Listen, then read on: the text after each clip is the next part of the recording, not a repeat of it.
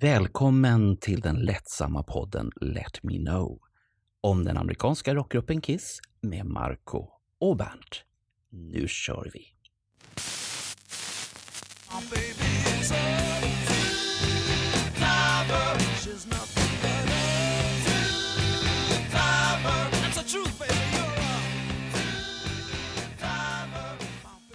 Ja, välkommen till en ny serie som vi har här nu som vi kommer kalla för Two-Timer. Ska du se ut så där under hela videon så, så kommer vi inte kunna spela in det här. För det, det- han, håller på att göra grimaser här för Bernt har haft problem med mikrofonen som man kanske märkte på vår senaste Bernt-journalen och på Peder att det är någonting som har laggat ibland på hans mikrofon. Ja, det, det, vet, det, vet jag, inte- det vet inte jag någonting om. Absolut Nej, ingenting. men man hör det. Jag fick bort det mesta i produktionen, men man hör lite då och då. Ja. Men nu har han bytt system, så nu är han på en Mac och han är lite sur här nu. Mm. För att det var ingenting som ville funka på PCn. Och, men och det roliga är att han ska inte vara sur för att han jobbar ju med sån här datasupport. och då Ja, ska ja, man ju vara ja. glad. ja, nej men Ja. grejen är ju som så här att när jag är på jobbet och hjälper andra, då hjälper jag ju dem och de blir glada. Eh, Just Ja, nu okej. så när man har problem med någonting som man försöker att luska ut vad det är fast man inte har tid därför att man ska spela in en podd därför att det är det som Aha. gäller. Eh, Jag ska inte sitta och felsöka mina egna system. Du kan Då, då, det, då, då, då blir du vrång. Då. Men, Ja. men nu ska vi bara ha ett trevligt samtal här Bernt på en idé som jag presenterade här igen och det är ju vidareutveckling ut den här Give Me More skivsnack. Mm. Som vi har, eh, jag har fått lite positiva, folk tyckte det var roligt att vi pratade om annat, andra album som hade påverkat oss och då tänkte jag bara när jag flög ner till Portugal och lyssnade på den här skivan som jag ska prata om att det skulle man ju kunna göra.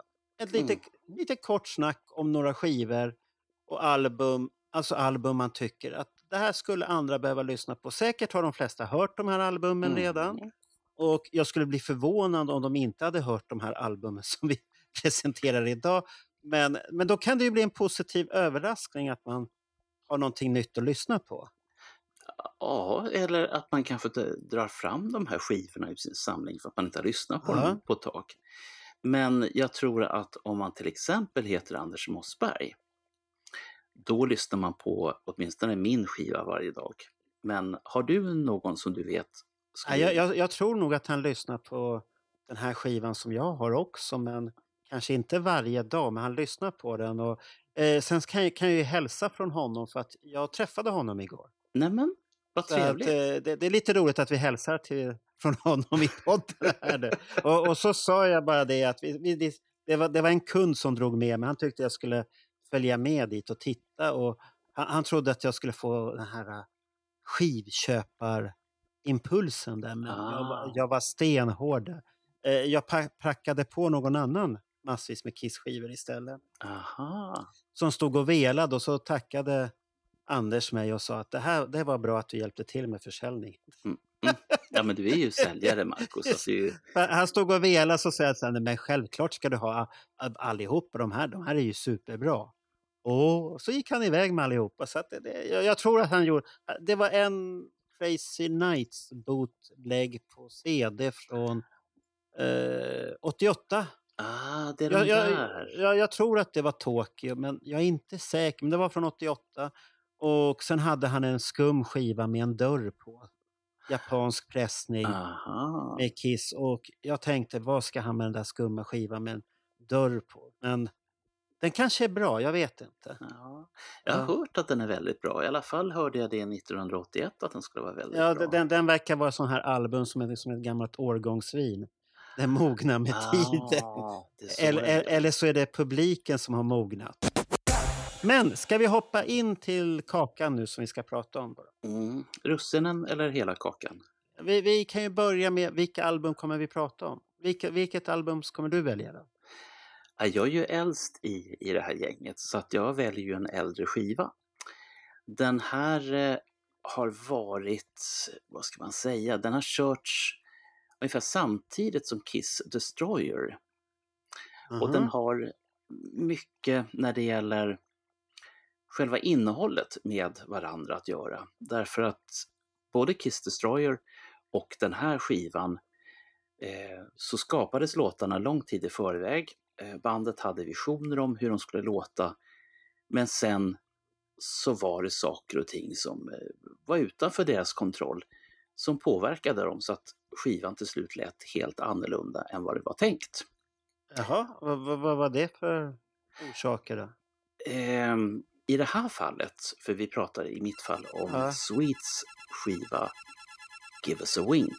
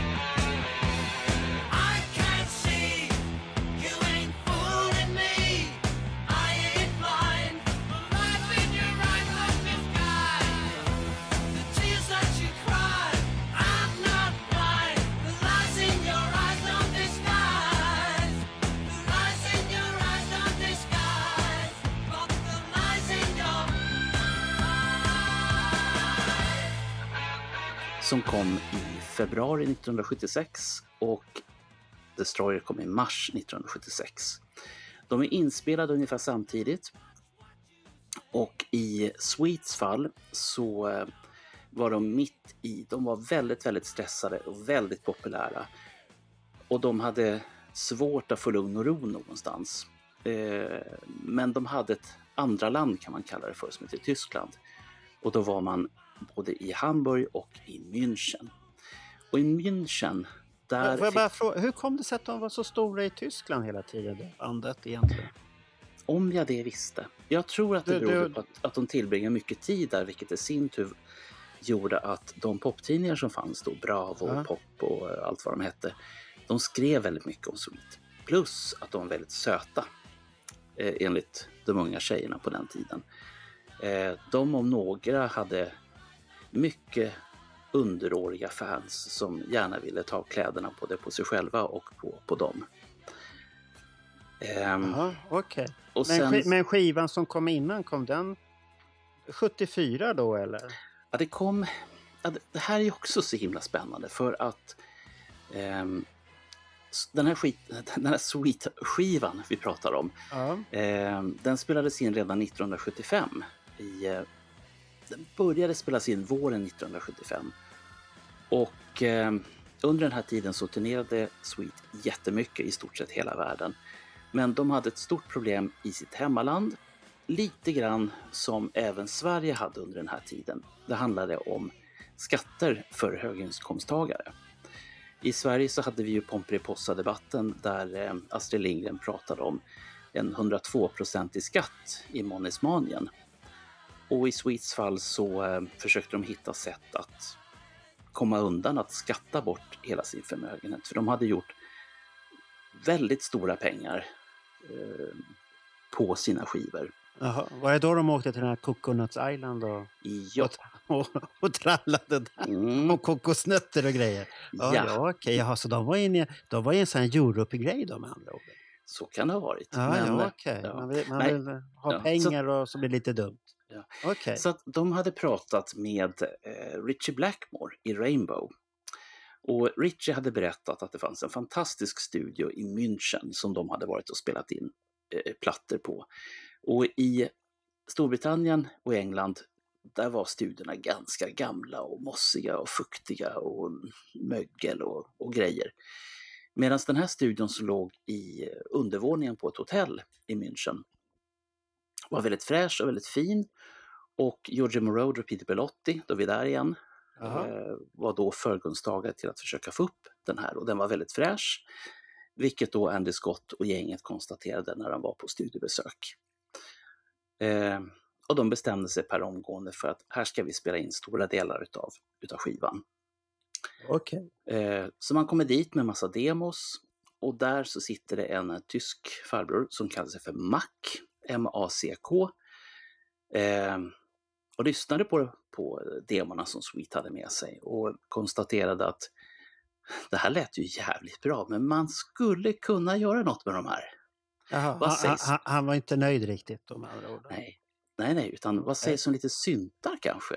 Det skulle sitta fint. Ja, ja.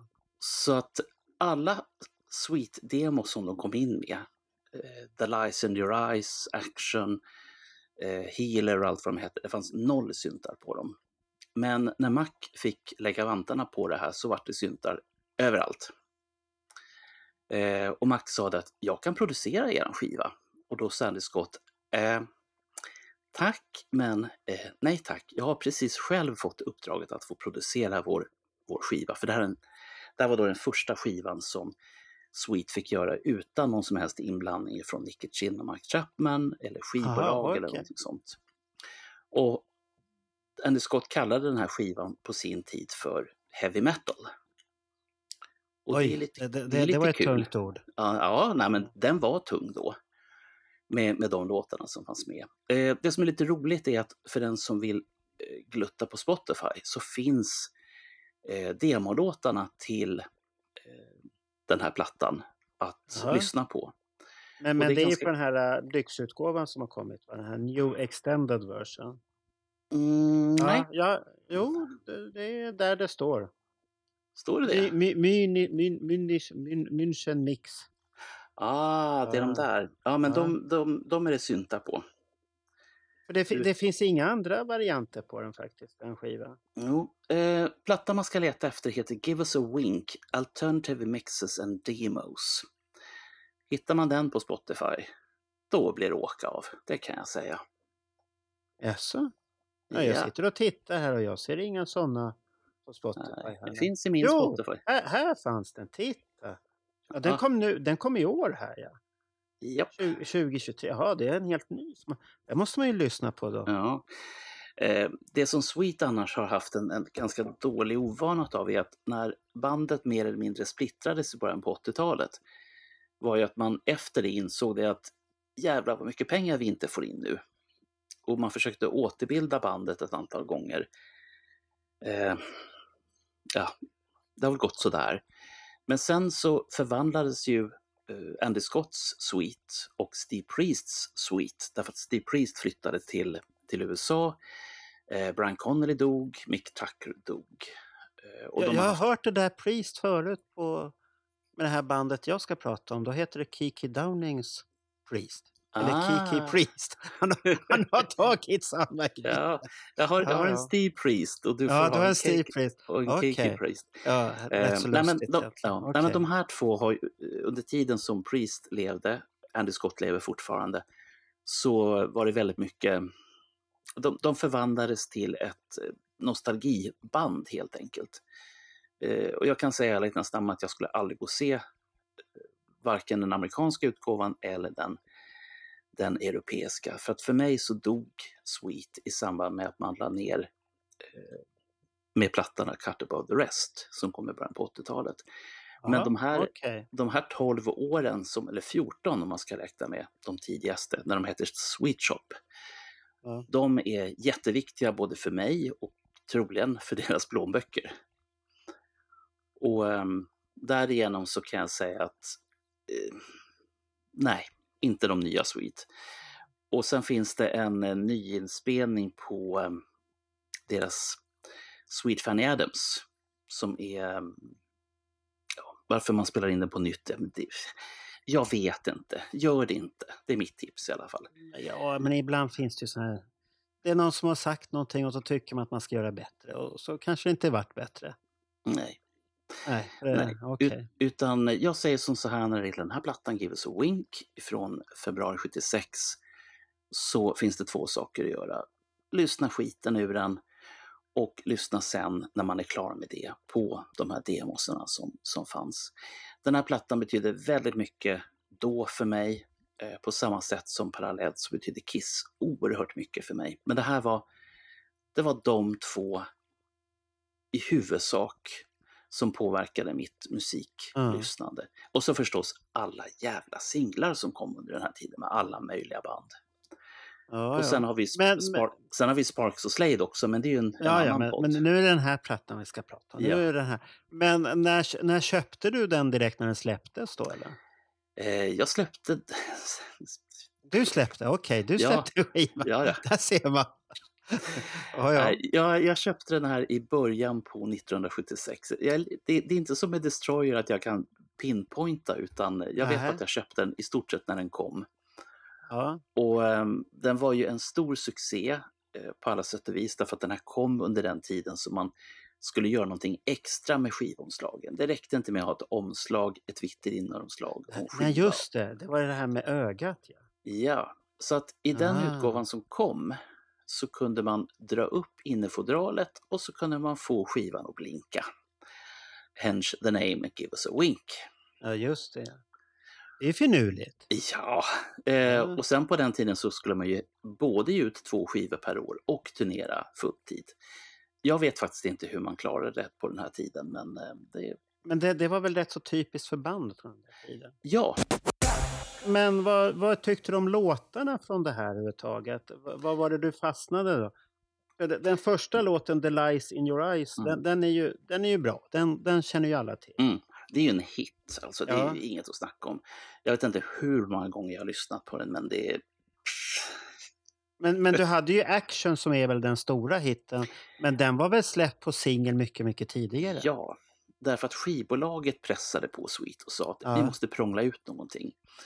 Eh, har ni något färdigt? Och då fanns det en ursprungsversion på Action utan syntar.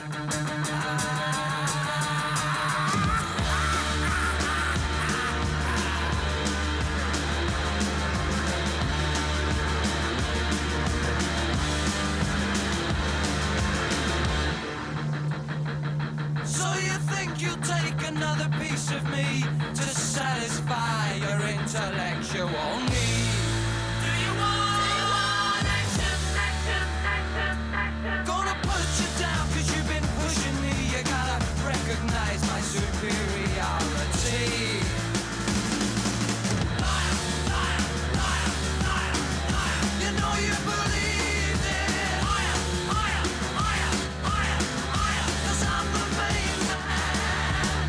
that's why everybody wants a piece of the action. Everybody needs a main attraction. Got what everybody needs. Satisfaction guaranteed. But everybody wants a piece of the action. Utan istället så var det Cellos som stod och, och sågade och sen även eh, jag tror att det är Andy Scott själv som går in och, och låter illa precis i början. Det är ju, den är ju helt omgjord på, på LPn. Och ja, vilken är bäst? Ja, det, You decide, skulle jag vilja säga. Ja, det får man väl det får man ha bedöma själv där. Ja. Men vad tycker du om de andra låtarna? Var, var de så mäktiga? Alltså, de, de hade ju alla... Man kan säga så här, Sweet under den här tiden var oerhört eh, påverkad utav Led Zeppelin och Deep Purple, precis som ett visst annat amerikanskt band var. De var ju också påverkade utav, utav det här gänget.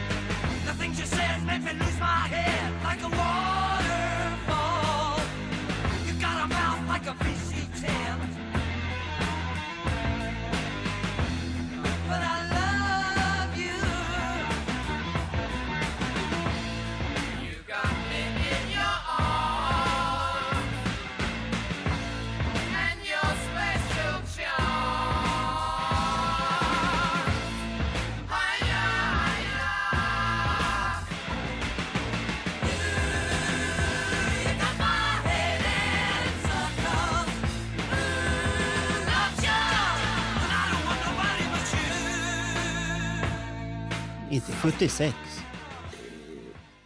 Om det, om det är Kiss du hänvisar till så Ja. tycker jag inte det var... Nej, nej, nej, nej. Du, 76. du, du hörde inte på Destroyer, men vad jag Nej. menar att influenserna var väldigt, väldigt Ah, starka. ja. Jo, influenserna var där. Och eh, sen är det ju som så att Kiss hade den fördelen att de kunde gå sin egen väg redan från början.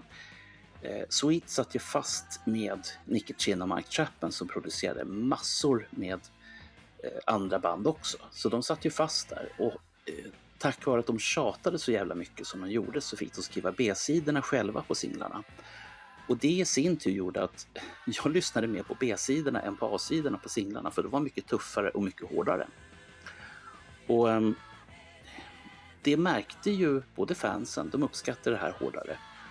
Och ehm, när liksom eh, radiostationerna började vända på skivorna och köra de tuffa, då förstod de ju skivbolaget att okej, vi får nog ge grabbarna mera svängrum och eh, sa till Nicky Chin och Mike Chapman att eh, tack och tack för den här tiden.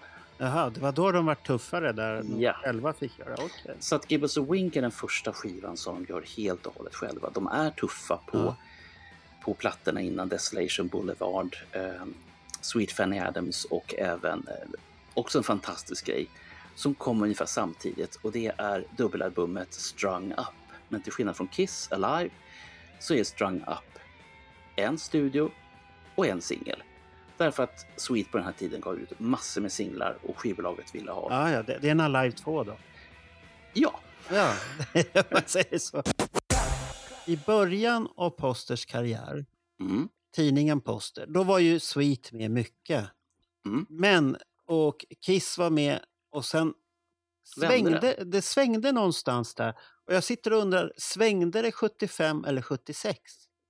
Efter den här äh, berömda dåliga konserterna som Sweet hade haft med, de hade gjort det ena och det andra. Och vad, som vad som stämmer det har jag ingen aning om överhuvudtaget. Jag tror inte det stämmer någonting av det som hände. Det är väl någon annan som gjorde det, allt det där dumma.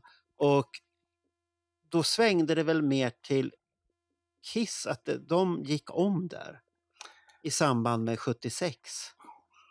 Jag, jag, det kändes som att Kiss uppgraderade sig från att ha varit ett rockband med häftiga kläder, men Mm. nu kom det superhjältar helt plötsligt. Mm. Och jag tror att jag Ja. håller med dig.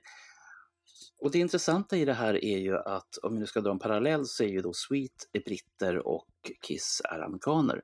Och Kiss hade mycket lättare att slå igenom i Europa än vad Sweet hade i USA. Mm. Därför att de fick ju turnera jättemycket för att det skulle hända någonting, för att de skulle få den uppmärksamhet som de ville ha. Men, men, sitter- men kan det bero på deras image de hade då? Den, den är ju lite si och så den tidiga. Mm. Men Man kan säga så här att Sweet hamnade ju i den här androgyna Ja, eh, biten. Om vi drar paralleller med David Bowie till exempel. Och Kiss var ju mera tuffa eh, med sitt eh, svarta och vita och lite silver och mycket läder. ja, för de passade ju inte riktigt med två meters figurer som står där. Och Nej. det vart väldigt konstigt. Mm. Ja. Eh, och Sweet som sagt som jobbade jävligt hårt eh, och turnerade väldigt mycket, de pallade inte det. Så att alkoholen kom fram, bland annat i Brian Connellys fall. Eh, och det var ju så illa så att de så småningom dog av sina leverskador. Eh, Men, men, han, men han måste väl haft de problemen innan? De måste ju ha legat där. Det är bara det att tillgången till alkohol vart så mycket lättare. Mm.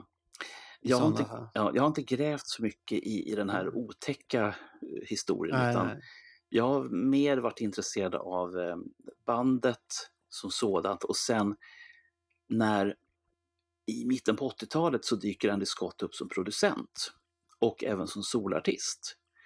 Men utan några som helst kopplingar till Sweet för att det står inte på Andy Scotts singlar att eh, ex-member of Sweet eller någonting sånt.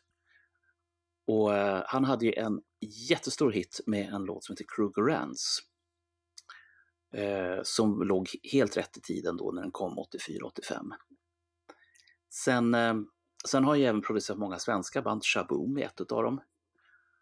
Och, Och eh, De, de låter ju väldigt sweetiga. mm, Ja, Och det är ju det är många band som gillar, det är många band som gillar Sweet vet jag.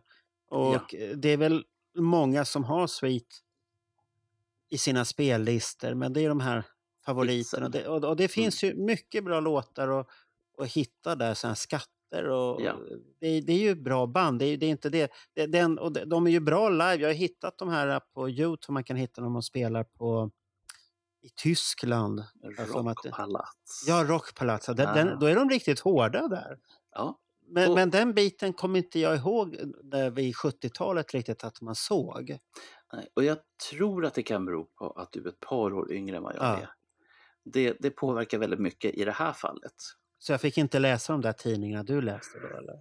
Vad menar du? vad, vad, vad var det för tidningar du hittade då med farliga bilder och så? Ja, Jag upplevde aldrig det där... äh, Nej, Sweet var inte det där hårda riktigt hård. Det, det var en bland, ett försteg innan hårdrocken tycker jag. mm. Men jag, jag kan säga för sin tid så var de här plattorna tuffa. Väldigt, Oh. väldigt tuffa.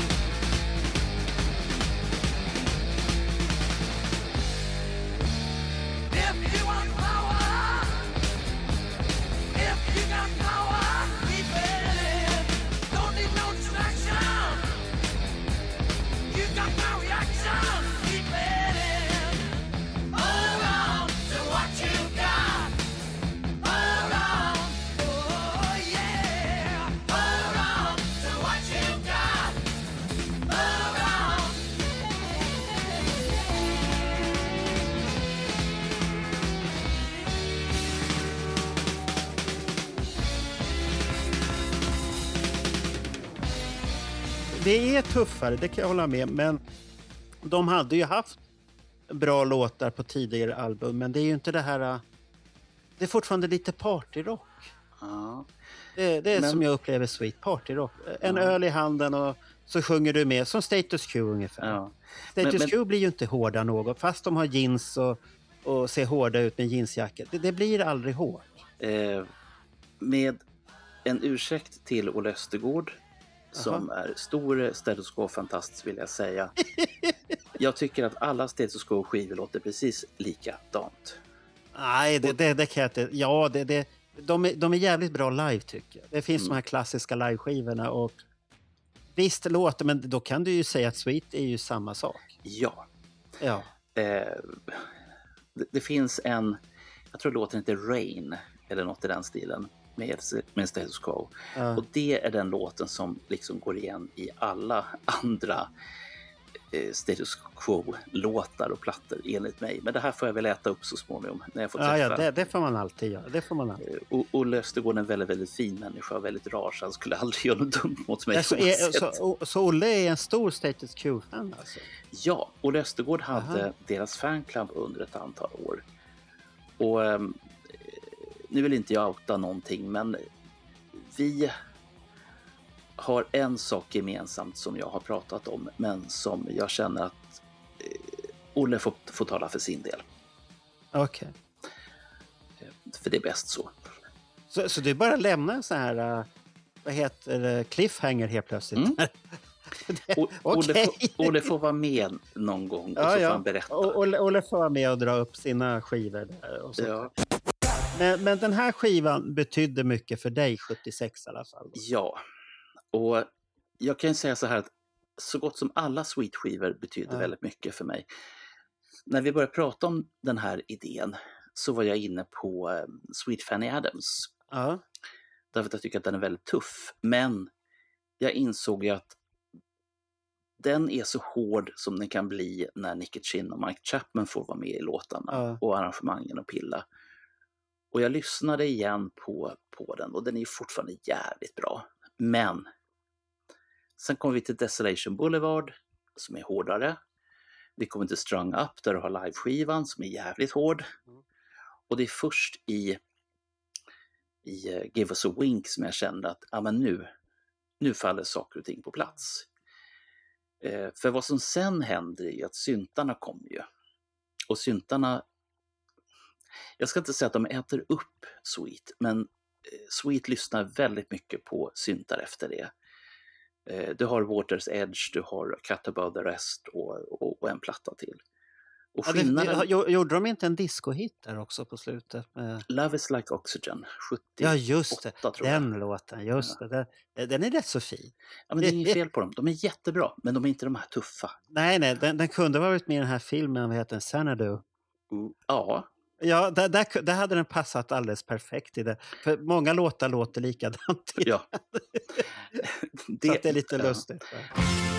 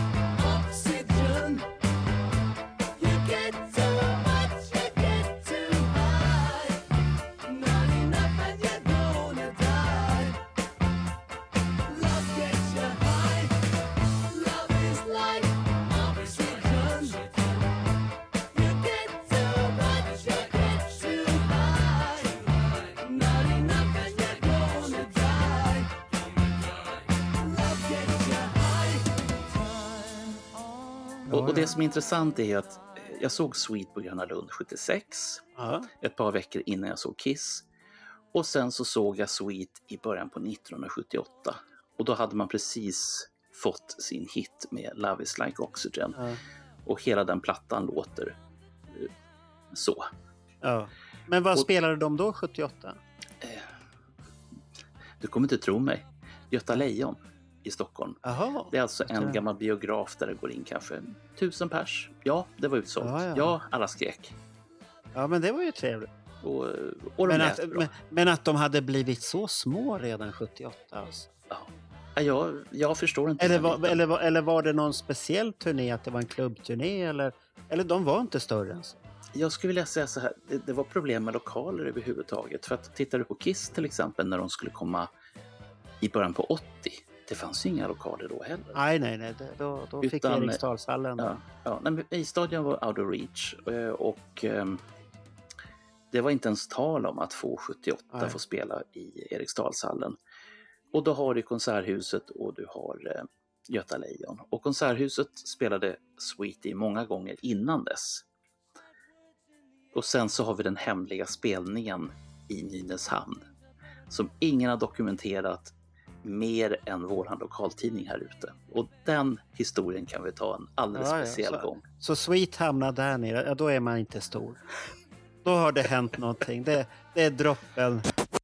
Skivan jag har valt då, då Mm. Nu, är jag, nu är jag nyfiken här. ja, nu är du nyfiken. Det är Screaming for Vengeance.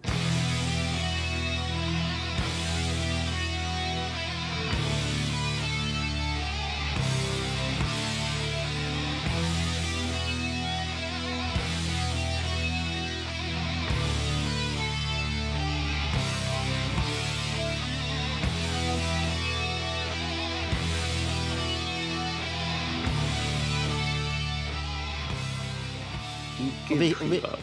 Det är en gul skiva med den här metallfågeln som flyger från, vad blir det, vänster överkant ner mot höger och ska anfalla dig. Uh, Och ser brutal ut. Och den är ju, tungt. den är väldigt metallisk, den om, omslaget. Och de kommer ju köra den här stilen då på flera omslag. Och det är någon Dog, Doug Johnson som har gjort dem. Okej. Ja, Eh, och han- f- Fåglarna alltså. Ja, fågeln. Han gjorde ju sen Defenders of the Fate och sen eh, Turbo Lover också. Det är samma stil på de omslagen. Då. Jo, nej, men jag, jag, jag känner här igen omslagen. Metalliska då. Och det som var innan den här skivan, det var ju Point of Entry 1981. Mm. Men där jättekonstiga skivan med någon vingspets. Den här som alla när man åker utomlands tar en selfie ut från fönstret för att nu är vi på väg utomlands. Den hade man tagit och den, den är ju totalt värdelös det Okej. omslaget. Det, det kan vara snyggt men det var, det var ingen, det var ingen hårdrock eller någonting. Och den amerikanska utgåvan på Point of Entry som var innan, den, den är ju jätteful också för jag har för mig att det var en, den har ju en väg som går bara Ja. så här. Det är När- när ingenting du- att titta på. Ja, när du pratar om det här med amerikanska utgåvor. Jag vill gärna backa tillbaka till Sweet av den enkla anledningen att eh, Kiss som då bestämde över sin katalog, deras skivor såg ju likadana ut i stort Ja. sett över hela världen. Medan Sweet däremot, den här plattan, eh, Give us a wink, den är ju på ett sätt i Europa, eller man ska säga den, den officiella Ja. versionen. Och i USA så vände man på A och B-sidan av någon anledning. Vet Ja. inte varför. Och sen så slängde de in en eh, låt som heter Lady Starlight som finns på Desolation Boulevard. Eh, och Lady Starlight har också getts ut som en solosingel med Andy Scott. Och Mhm. samtidigt så hade Hans Hartvig en nakenbild på Andy Scott från samma session. Jaha, okej. Med, med snorre och allt. Jaha. Och det funkade ju Herregud. då, men sen skulle ju en av medlemmarna i, jag tror det var Shaboom, göra en, en Andy Scott. Ja. Nej, Ja, det, det, det, var populärt det där. Det var Ja. populärt utav hans tid. Men, men nu återgår vi till det här att ja, ja, ja. det här, det här var ju en, en, ska man säga, en måste-skiva för Judas Priest egentligen. För de hade ju haft den här um, eh, stora skivan, vad hette den? British Steel hette den. Jajamän, Ja, den kommer vi 80, ihåg. det, det som är, som många säger, är Judas Priest mästerverk. Mm. Jag kan Ja, hålla med. Me- medans Screaming for Vengeance är deras genomslagsskiva. Ja. Det, Den- det kallar jag för det. Då, då är det breda massan som upptäcker dem. Mm. Det gör de inte med British Steel. Och British Steel är ju väldigt tidig i den här grejen man kallar för New Wave och British Heavy Metal. Japp. Och den, den är inte så heavy metal egentligen om du börjar lyssna på den. Och det är inte den här Point of Entry heller. Den är Mm. inte heller heavy metal. Medan på den här skivan som kommer juli 82 på sommaren. Den är heavy metal. Och jag skulle nog säga att den här skivan hade någon fruktansvärt hårt i sig. Gitarrer och alltihopa. Det bara är hårt. Det är så hårt överallt på den här skivan så att håren reser sig bara du hör det här introt. På elekt eh, det här Electric Eye och det här, eh, det, vad heter den, Helion eller något sånt. Mm, jo, det är Helion. Ja. Ja, då, du hör det där och då, det, bara det låter farligt. Mm. Och så hör du att han spionerar på det och allt det här texten. Det är ju, det är ju så hård. men Det här är heavy metal.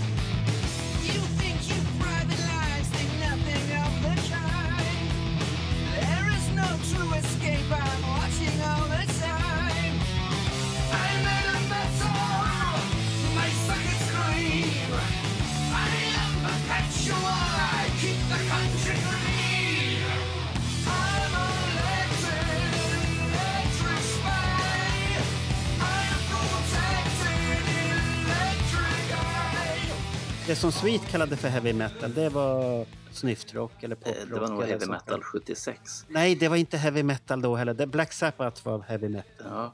Det här är, det, det var, det, det här är 80-tal. Och jag skulle nog säga att den här skivan är väldigt stilbildande till soundet på 80-talet som Mm. på skivor och på band som kommer efter.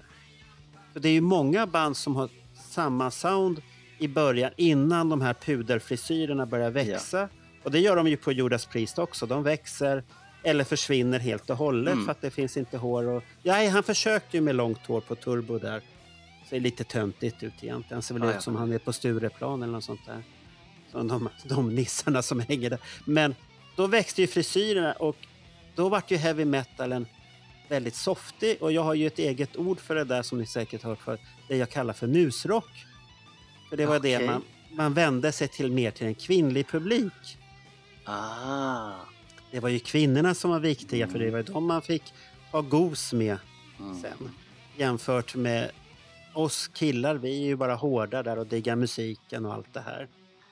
Det Ja. var innan förgrundsfiguren i Judas Priest hade kommit ut. Ja, för det är ju det som är det roliga, att här är ju Rob Halford i sitt esse. Det, det, han, är, han är så himla bra när man tittar på livegrejer och allt det här. Koreografin, han ser ju stenhård ut. Mm. Och alla tycker så att de har så tuffa grejer. Ja, vi fick ju svaret på var grejerna kom ifrån sen, Ja. lite senare.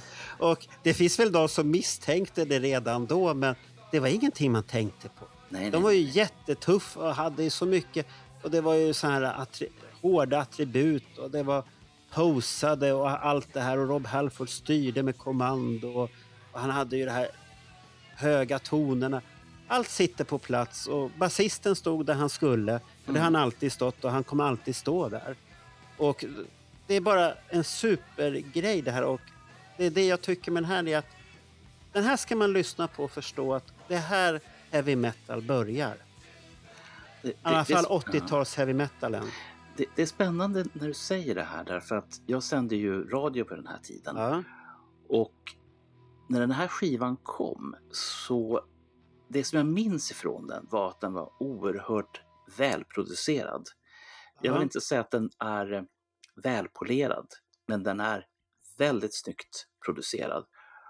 Och eh, det här är ju efter du har band som Journey och Rush som Ja. är jättestora. Och så kommer då Judas Priest. Ja, Och man har ju kommit med plattor innan och så vrider man upp volymen Mm. till 11 och sen så vrider man upp tuffheten till max. För, för, för det roliga är ju att bandet tog sina gamla hits som de hade och hade på den här turnén och vrider upp alltihopa så att det låter ju råare än någonsin. Och sen med den här råa imagen och hela scenen och allt det här så blir det ju det som kallas för heavy metal. Det, det, syns ju att det här, det här, jaha, det är det här som är det. Mm. Och bara det här, tittar man på de klassiska grejerna och så får du ju bilder på en Ja, just det, så här var det ju.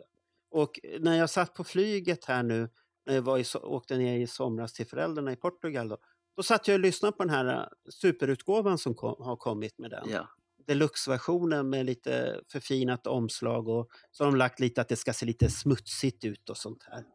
Eh, lite slitet omslaget också. Men när jag satt och lyssnade på den så får jag ju bilderna från de här livebilderna.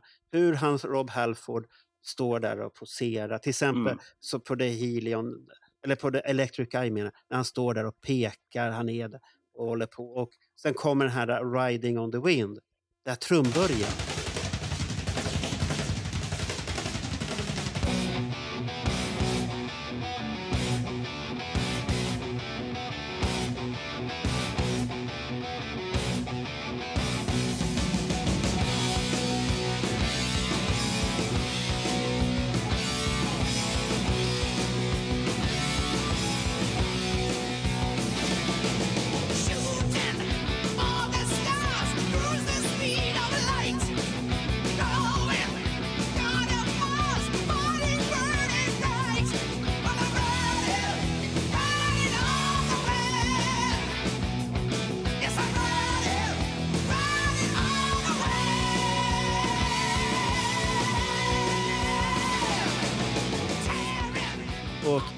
Fick ju direkt den här bilden från eh, Dortmundfestivalen, Rock Popping Concert 83. Ah, Där han trummisen, David Holland, sitter på trumman. Det ser ut som han ska trilla av stolen för han sitter och där bankar och bunkar och håller på där.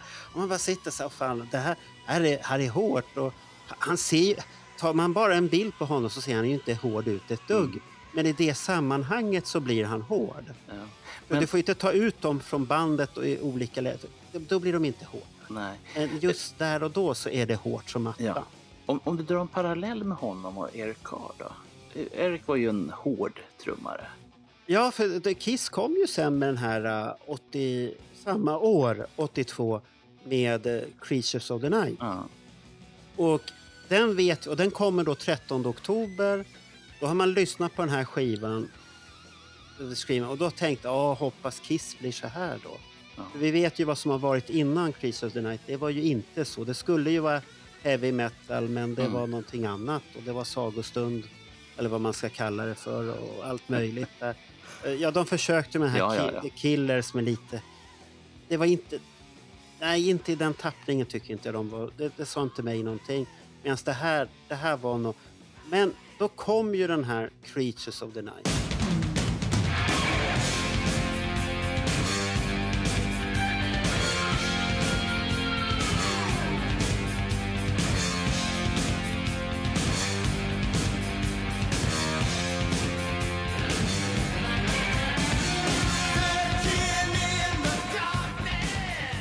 Det var bara den låten. Den var ju lika bombastisk Mm.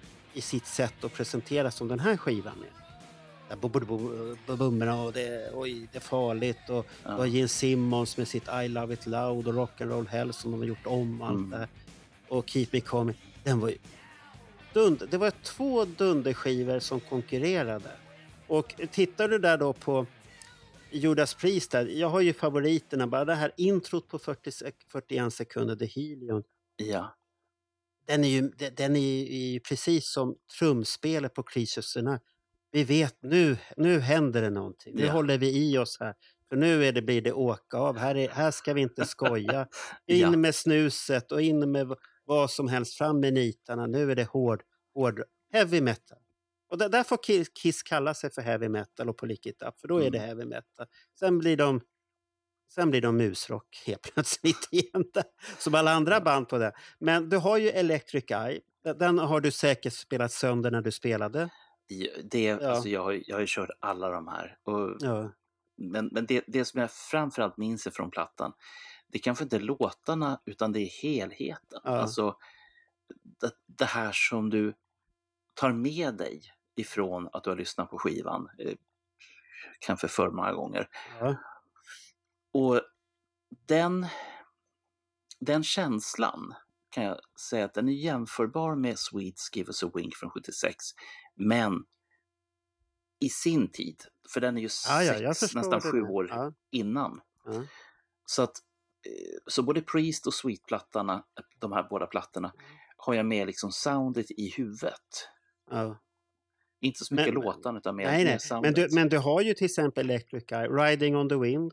Den här Mm. trumintro som börjar där. Och det, det, det är så, han, han har ju så häftig koreografi på den där låten också. Han står där och, på scen och då står de bredvid gitarristen och ser hårda ut. Det är så här bilder jag får direkt tack vare Dortmund-spelningen. Det Ja. kommer direkt ut. Jag satt där. Jaha, så det, det, det var som en film framför mig när de stod där och var hårda. Och han står och pekar och, och håller på där med sitt. Och sen vänder du, eh, det kommer en skiva till på första, Bloodstone, den är också häftig. Sen, sen kommer två låtar som jag, I take the chains, take this chain. Det, ja, det är väl en balladförsök men det är inte riktigt Mm. min smak. Och Pain and Pleasure, ja. Ja, det går att lyssna på. Men så vänder vi, då kommer här Screaming for Vengeance. Han är jättehård igen. Och den stora hitten som varit en jättestor hit i USA, You got another thing coming.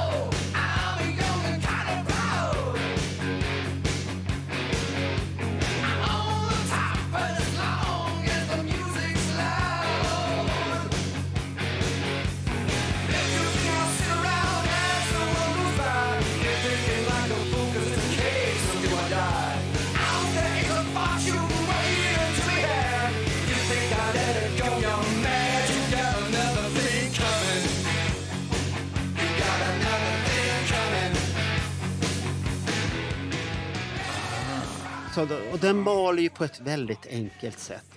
Men den, det är en sån här låt som kan hålla på i evighet och den håller på i fem minuter på skivan redan. Och live när de spelar så håller den ju på evigheter. Den maler på och maler på. Och sånt där. Men det är en bra låt och publiken kommer igång. Och sen är det skivor, också bra. Men sen finns det en sån här pärla, Devil's Shy. Lyssna på texten på den. Det handlar om farliga kvinnor.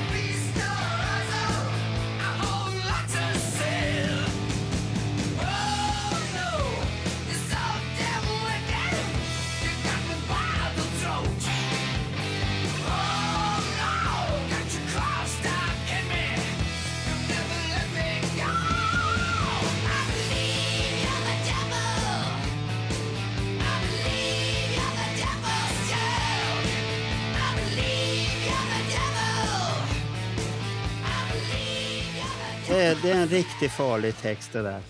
Men, men den här skivan, den är ultimat och live, Judas Priest live 82 och 83 Det är och hårt. nog 80, och 84 med Defenders.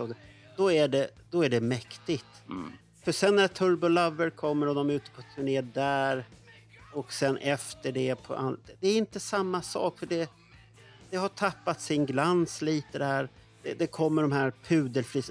Du ska inte se Kiki Downing med en eh, tuperad frisyr och, och sen Glenn Tipton likadant och sen långa rockar har de på sig med glitter och grejer och håller på där och nej, nej.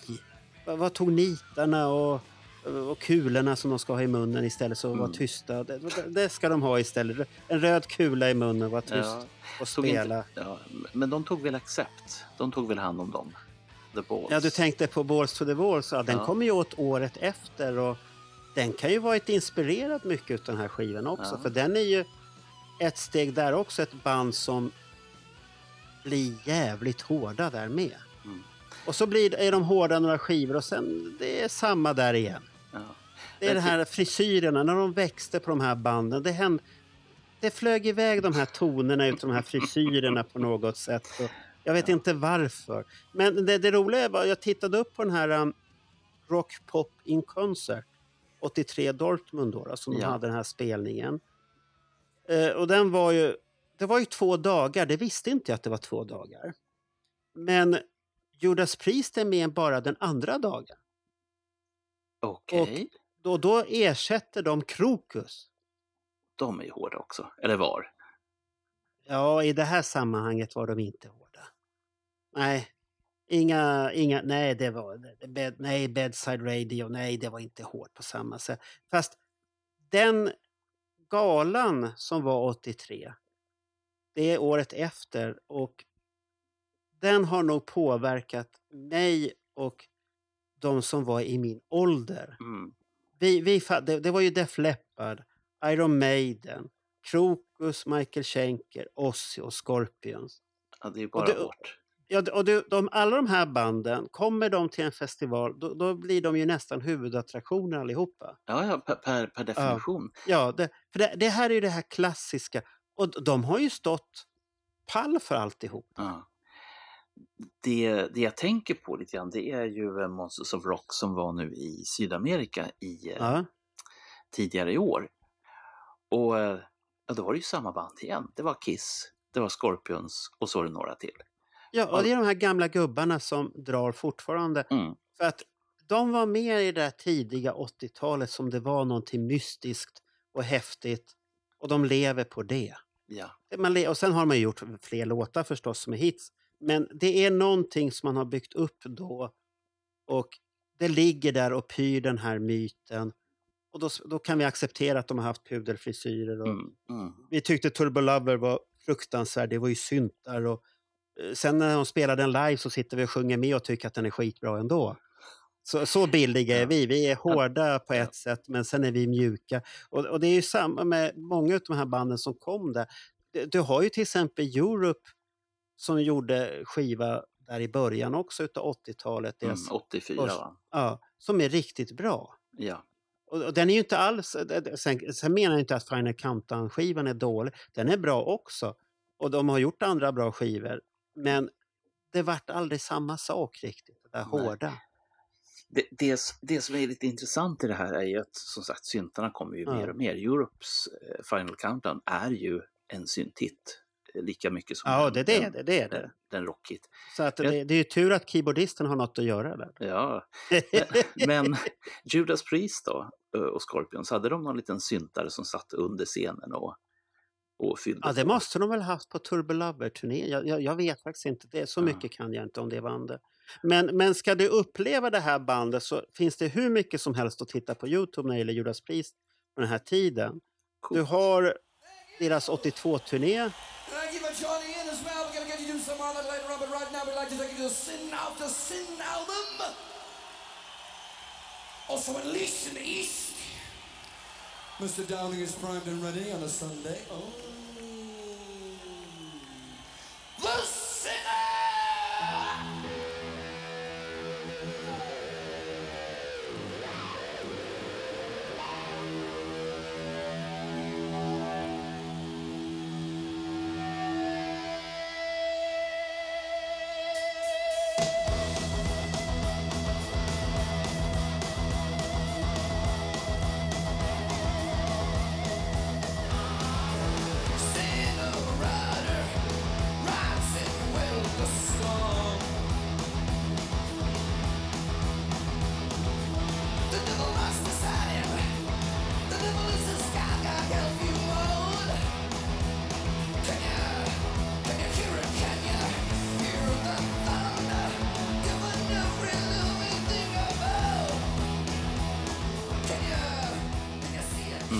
Och, den, den är ju, titta på den scenen så är den väldigt...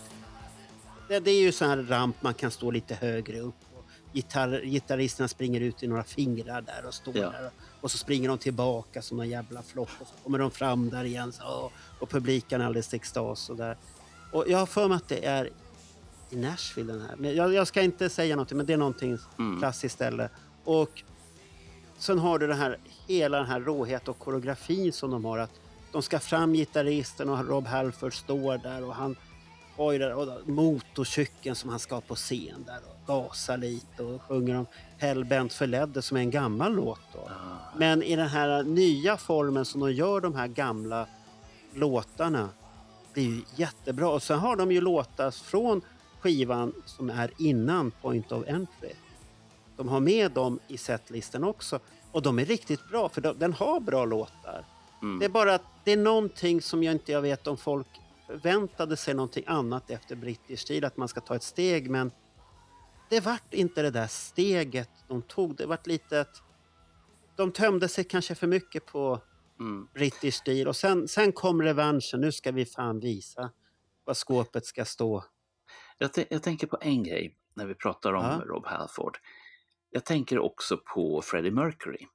Ja, Eh, och jag funderar på, jag leker bara med tanken, ifall vi säger att Rob Halford hade varit sjuk en månad. Och så ringer han till Freddie och så säger han det att du, skulle du kunna komma här och vara gästsångare en, en månad? Och du får vara så tuff du vill med så mycket läder och så mycket nitar du bara kan. Hade inte det varit nej, nej, nej, nej, nej, nej. Han, han har en annan sångstil. Nej, han, nej, han nej, kunde, det- han, han, han- tog han till kan- det här tuffa. Jo, men han, ja, han kanske skulle ha det, för jag har aldrig sett den stilen riktigt. mm. När han sjunger. Han har, han har inte samma den här krystade ångesten som Rob. Halford har. Och ser ut som han är bajsnödig så här och, Ja. och jag, jag, tänker att, jag tänker att han kanske aldrig fick den möjligheten i Queen. Att Nej, nej det, det kan det ju vara att han aldrig fick den möjligheten. Det kan nu, ju. nu är det ju för sent att, att testa Ja. det, men ibland när jag ser tidig Rob Halford i, i kaptensmössa, i läder, Ja. i nitar, eh, motorcykel och hela Ja. köret så tänker jag det att jag undrar om vi hade kunnat dra upp Freddie Mercury till 11 på tuffhetsskalan. Ja, ja det, det kanske hade kunnat. Vad Men, hade men, det, men, Men apropå videos, då, då, jag skulle rekommendera för många att titta på den här klassiska från Dortmund 83. Mm. Och det är på scen, det är på senare, hösten har jag för mig att den spelades in. Medan det finns en grej som är rätt så häftig. Det är US, US Festival från 83 från USA. Du vet den här jättestora festivalen. Okej. Där Motley Crue spelar också och ser jättetuffa ut och alltihopa. Det är massvis med artister med där och Van Halen och sånt där. Eh, då är Rob Halford och vad jag förstod när jag läste någonstans så var det sista spelningen på Screaming for Vengeance-turnén. Var på den. Och Okej. de är så... Han, han är ju rätt så blek, Rob Halford. Men på den... eh, han- Den finns i bra kvalitet och han är, han är Mm. jävligt rosa om man säger så. Han har fått sol på sig och eh, han är så svettig. Och man, man ser ju på bandet att de, de har ju tagit USA med storm. För det Mm. här var ju den break, breakthrough-grejen i USA.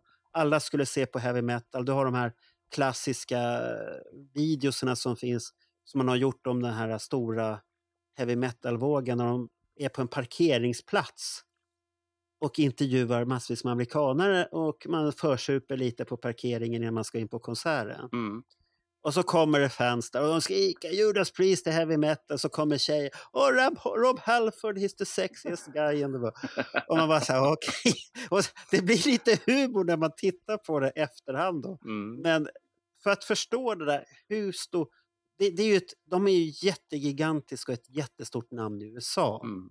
Och samtidigt så kanske det förstörde dem också på de skivorna som kom efter. Defenders of the Fate och Turbo Lover och skivan Mm. där, Ram It Down. Det, det, det kanske var USA innan de kom tillbaks med den här äh, riktigt hårda skivan Painkiller-låten Ja. där. Jag vet inte om skivan heter Painkiller, det kanske gjorde, heter Painkiller. Men den, den är ju så, då är de tillbaks tycker Mm. jag i den här rötterna 82. Det låter ju brutalare än någonsin. Man sitter, vad fan har hänt med dem? Här är ju gamla gubbar och så kommer de tillbaka så. Ja. Har du någon aning om vem som har producerat de här plattorna? Nej, det, det har jag faktiskt inte tittat på, men jag kan ju kolla upp jag, det. jag, jag är lite det inte, är det inte de här gamla gubbarna som alltid har gjort, jobbat med Judas Priest, har jag för mig? Du menar Ted Templeman och Rod Nevison och gud vet vad Ja, det är väl någon av de här klassiska gubbarna Jo. alltid. Jag har för mig, vi kan ju titta om det finns någon information här. Det står bara upphovspersoner. Nej, Tom Allom. Ah, Ja. Han, han, har ju, han har ju varit inblandad i Judas Priest, ungefär som Iron Maiden hade också en gubbe som gjorde alla de här klassiska skivorna. mm, mm. Som bra. säkert kommer, någon skiva kommer hamna med, för jag har mycket minnen till en Iron Maiden-skiva som, som är för mig den ultimata. okej. Ja, men den där tar vi i ett annat avsnitt. Nu var det ju Judas Priest som skulle... Ja, ja, ja. Men, ja. men, men för mig, är Judas Priest i sitt esse, det är 82-83. Det, det, är- Mm. det är Judas Priest. Sen, sen kan man... Det finns ju, jag gillar ju lå, gamla låtar och jag gillar nya låtar. Men som live, då, då skulle jag vilja ti, vara tidsresenär och vara där och titta. I Det Dortmund, ungefär, 83, ja, det, det är ungefär live. som många säger direkt att de skulle vilja uppleva Kiss 82. Ja. Att åka till och vara tidsresenär och se live det här Creatures of the Night med pansarljuden live och Mm. hela där och Vinnie Vincent i makeup där står och hänga vid gitarren och se allmänt o, ogillande ut Mm. och se stentuff ut och allt det här. För, för Kiss var ju på samma, och, de, och Kiss gjorde ju samma sak, allting gick ju så jävla fort och det var hårt och, och det, det, det var ett speciellt år 82 och samma med året efter. Att Ja. det, att, Nej, jag tar gärna och drar fram eh, den här berömda Brasilien-konserten från Ja. 83. Ja, ja, det är ju samma sak där. Man, man blir alldeles till sig, så här, vad är det här för någonting? Det, det är som du har Winterland eh, 75, det är ju samma sak där också. Ja. Det wow. Och så har du de här klassiska från 76, 77 och så kommer 82 eh, Rio de Janeiro eller om det är något annat. Så, det, det är ju bara så här, wow. Sen, Mm. sen att Gene Simmons säger att det står en halv miljon där och tittar på eller vad det är, det, det, det kan man ju diskutera men det ser ju lite läskigt ut ändå när Ja, han ja, står ja. där och man ser publiken. För brasiliansk publik är ju hängiven. Mm. Ibland är jag förvånad att det inte dör fler på de där konserterna än vad det gör. Ja, vi, vi gjorde också som så, om jag minns rätt, att vi tittade på när de var i Sydamerika här nu, vi var det i våras de Ja. Då satt vi och tittade på det här med vad, vad är rimligt? Hur många är de i publiken överhuvudtaget? De kan, Ja, det är inte, vara, de kan inte vara 300 000 men 60, Nej. 70 kanske? Ja. Kanske upp mot 100 någonstans Ja. där på vissa. Om det, för de har ju otroligt mäktiga fotbollsarenor på vissa ställen. Mm. Där. Och sånt. Och det, publiken i Sydamerika är ju hängiven. Och, eh, jag har aldrig sett eh, någon video med Judas Priest. Jag, tänk, jag kanske har missat att det har varit Ja. Sydamerika. Och sånt där. Men, men det är ju samma med Sweet. Det hade ju varit häftigt att åka tillbaka och kunna se Sweet 76 Mm. när man ändå har gjort ett hårt album och sen ska ut och turnera och visa då att man är lite hård, att det är inte kokonötter och, Nej, nej, och nej. grejer och sånt här. För tyvärr har jag bara sett Sweet på Sweden Rock med kokonötter Ja, men i då, var de, setlista. då var det med nostalgiband och, eh, Ja, vad jag vet så var det en original med ja, på och, scen. det, och det är Andy Scott. Ja, det var Andy Scott där och, och han var glad och, och eh, publiken skrek där. Koko, jag har nog sagt det för de skrek coconut och jaså, vill ni höra på den gamla slagdängan? Ja, Okej, ja. då spelar vi den. Och publiken var ju jätteglad. Och, och låtarna är ju, väljer de att vraka godbitar Sweet så är det ju bra låtar. Mm. Ja, nej, men de Det- har det- ju det- hits. Det är ju Det, inget snack och, om. det, och, det, och det är ju samma som Judas Priest. De har ju en sån jävla katalog när de Mm. är ute och turnerar nu. Nu skulle de ju ha varit ute och turnerat med Ozzy för, ja hur många år var det sedan i Sverige? Ja. Var, det fem, var det fem år sedan när det började? Och nu var det inställt. Så nu kanske Judas Priest kommer och då, då ska jag passa på att se dem. För att sist jag såg Judas Priest live i Sverige, då var de riktigt bra Mm. med nya gitarristen. Det, det är synd bara Glenn Tipton inte är med och Kiki Downing. Och, och Nej, men Kiki Tip- Downing har ju sitt eget band, Ja. Kiki Priest eller vad den hette. Ja. Han Och det- snott det från Sweet. Ja. Det vet, det vet vi inte. Nej, men det, det lär dessutom vara ett, eller bra plattor som har kommit ut med honom. ja. Det jag kan nämna är två saker som rör Sweet i det här fallet och jag vet inte fan om man, om, om man ska det här eller inte. Men eh, i Danmark till nästa vår så har Slade och Sweet en dubbelkonsert som du kan få titta på för 800 danska och det är väl en 1100 spänn, svenska spänn. Du sa Slade och Sweet. Jag sa det. Båda banden har ju bara en medlem och gitarristerna kvar i Ja. båda banden. Men det gick tydligen bra i alla fall. Jag kommer inte att gå, det kan jag säga. För att, Men han, han i Slade, där, gitarristen, bytte han kläder lika ofta som han gjorde förr? Det är fullt möjligt. Nej, men eh, efter att Noddy Holder lämnade Slade så kände jag bara tack. Men det, Ja, nej, det, nej, nej, nej, det... Vi, Och- jag, jag, såg, jag såg någon spelning på Youtube rätt så nyligen med Slade. Och det, var en, det såg ut som det var något MC-klubb de spelade framför. Och, och publiken var ju som vi, väldigt gamla. Mm, 60-plussare de flesta och stod och diggade där och tyckte det var så bra. Och, och han spelar och han pr pratar med och så säger så här, vad vill ni höra? Och det kommer de här gamla slagdängorna som de vill spela. Och, och han- är ju entusiastisk, men han börjar bli till åren han med, Ja. gubben. Jag har sett honom på Sweden Rock, har jag för mig att det var. Att de har spelat med honom och han var där och han... Och det, det enda han gjorde var att få med sina konstiga grejer där. Och, ja. hitsen fanns och låtarna är ju bra. Där också. Ja, när det är Slade, jag tar det här i förbifarten. Ja. Det gavs ut en dubbel-EP runt 80 som var inspelad i Reading i Storbritannien. Och Ja. ehm, det var en period då Slade hade en enorm svacka, både i popularitet och även eget sug. Och eh, de fick vara med på Readingfestivalen, de spelade ett, ett fåtal låtar. Men det engagemanget ifrån publiken gjorde att bandet fick en nytändning och man började göra ny musik och spela in nya plattor. Och den här Reading-historien finns nu på eh, både på strömmande och Aha, även som okej. en riktig platta. Och jävlar i min låda, där är det åka av. Så Det var tänk- ungefär som Kiss 82 i Rio de Janeiro. Ja, Eller 83 där. Paniken. Ja. Är det slutet? Nu måste vi ge allt. Och det, det, det, det kan man lyssna på Alex Bergdahls podd om Rio där. Den är rätt så intressant för han, han ser, jag har för mig att han kollar på den samtidigt som sitter och pratar och så säger han där, "Ja, titta på Gene, han arbetar så mycket så att han inte vet vad han håller på För det, det är det här paniken, vad håller det på att gå och det är Ja. väl samma med Slade där. De jobbar för att eh, band i sådana situationer kan prestera väldigt bra. Ja. Och det, jag tror att det var nog det som var med Judas Priest, att eh, de var nog väldigt besvikna på det som hade hänt med skivan innan, där att den hände ingenting. Nej. Och, eh, och så anlitade de en riktigt bra omslagsfigur som förstod vad heavy metal var. Det är Ja. såna här plåtfigurer, eller stålfigurer eller vad man ska Ja, kalla jo. Fåglar och lejon och vad var det på Turbo? Ja men där på Turbo var det väl bara en, en hand med en växelspak. Är, är det växelspak eller var det någonting annat? Det har jag glömt. Det vet vi inte. Vi, vi säger växelspak för Ja. säkerhets skull. Höll, håll i någonting där. Men det här var ju vårt första avsnitt där då. då. Eh, fast det är väl vårt andra eller tredje beroende på hur man räknar.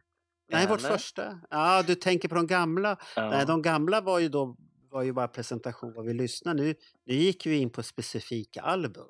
Aha. Och vi, vi har ju tänkt att vi ska köra själv några avsnitt lite då och då Mm. som komplement. Ja. Och sen ska vi bjuda in lite då och då lite folk som kan vara med och presentera ett till album så att det kan bli tre skivor Ja. man rekommenderar. Och eh, vi- vill man ha ett intresse och vara med så skicka ett meddelande till oss via Mm. vår Facebook-sida. Kommer du ihåg Lennart Wisén? Ja, det kommer jag ihåg. Ja, Lennart han är pappa till en välkänd eh, hårdrockare. Och Ja. eh, jag följer ju honom på Facebook och han är väldigt, väldigt framåt när det gäller att presentera plattor som man har lyssnat på och kärleken till dem och så vidare. Jag skulle bli oerhört förvånad om inte Lennart Wisén hör av sig. Ja, han, han får gärna höra av sig. Ja. Jag, jag brukar titta. Och det roliga är att han, han alltid sitter och röker pipa. Nu, nu, nu mår jag bra, säger han. Och så tar han sitt bad där också. Så det, Ja, det är riktigt trevligt att se att man njuter av livet. ja, Det, det, så ska det vara. Och man sitter och lyssnar och minns. Och eh, det, det, så ska det, för det är ju det som är det roliga, när man hittar skivor. Och den här programidén kom ju från det här förra och sen har jag sett att det är vissa som har frågat. Men Mm. då tänkte jag när jag var på flyget där, när jag fick de här flashbacksen ja, och de var så tydliga, då tänkte jag, ja men då finns det ju album som är viktiga för mig. ja. Och Absolut. det, och det finns det säkert, och jag har ju massvis med album med alla grupper för att alla, man har ju något album man har hittat med någon grupp som man tycker det här är Mm, mästerverket som jag tycker med den här gruppen. ja, Och det, Men- och det är den som har gjort att jag lyssnar på bandet. ja. Eh, Är det nu vi ska ta en kvart om Sparks platta Propaganda? Nej, det får, du ta ett, det, det får du ta ett annat avsnitt för nu är det här slut.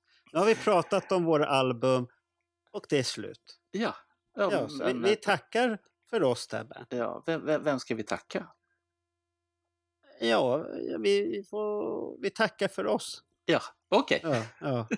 Då Fan vad du ska vara krånglig ibland. Ja, men ibland så Och, och, måste så, och, och så måste vi tänka på svordomarna nu. Jag hoppas att vi inte har svurit. Men vi fick en tillsägare. t- Tänk på svordomarna. Ja, Eller, eller gubbar stod det faktiskt. Oj. Tänk på svordomarna gubbar. Oj, oj. Ni är bra annars men svär inte. Eh, Svär, svär vi så mycket? Jag surar aldrig, tror jag. Nu, Eller? nu, nu får vi fått ta bort sexet, vi har fått ta bort svordom. Vi, vi har ingenting kvar att prata om snart. Det fanns... Garderoben är borta. Vi, vi, Ja. har, vi har ingenting att prata om snart. Jag har för mig att jag pratade om sex idag. Och Ja, det kanske vi, där, där kanske vi har gjort. Men eh, Okej. när, när, när ni hör det här så kommer ni undra, vad då för sex, vad då för svordomar? Ja. Det fanns inget. Och då vet vi Nej. att då har Marcos censursax Ja. varit framme. Ja, den har jag. Men, men det här var två förbaskat bra skivor. Absolut. Från två förbaskat bra gubbar. Tack Ja, och bock. okej. Album,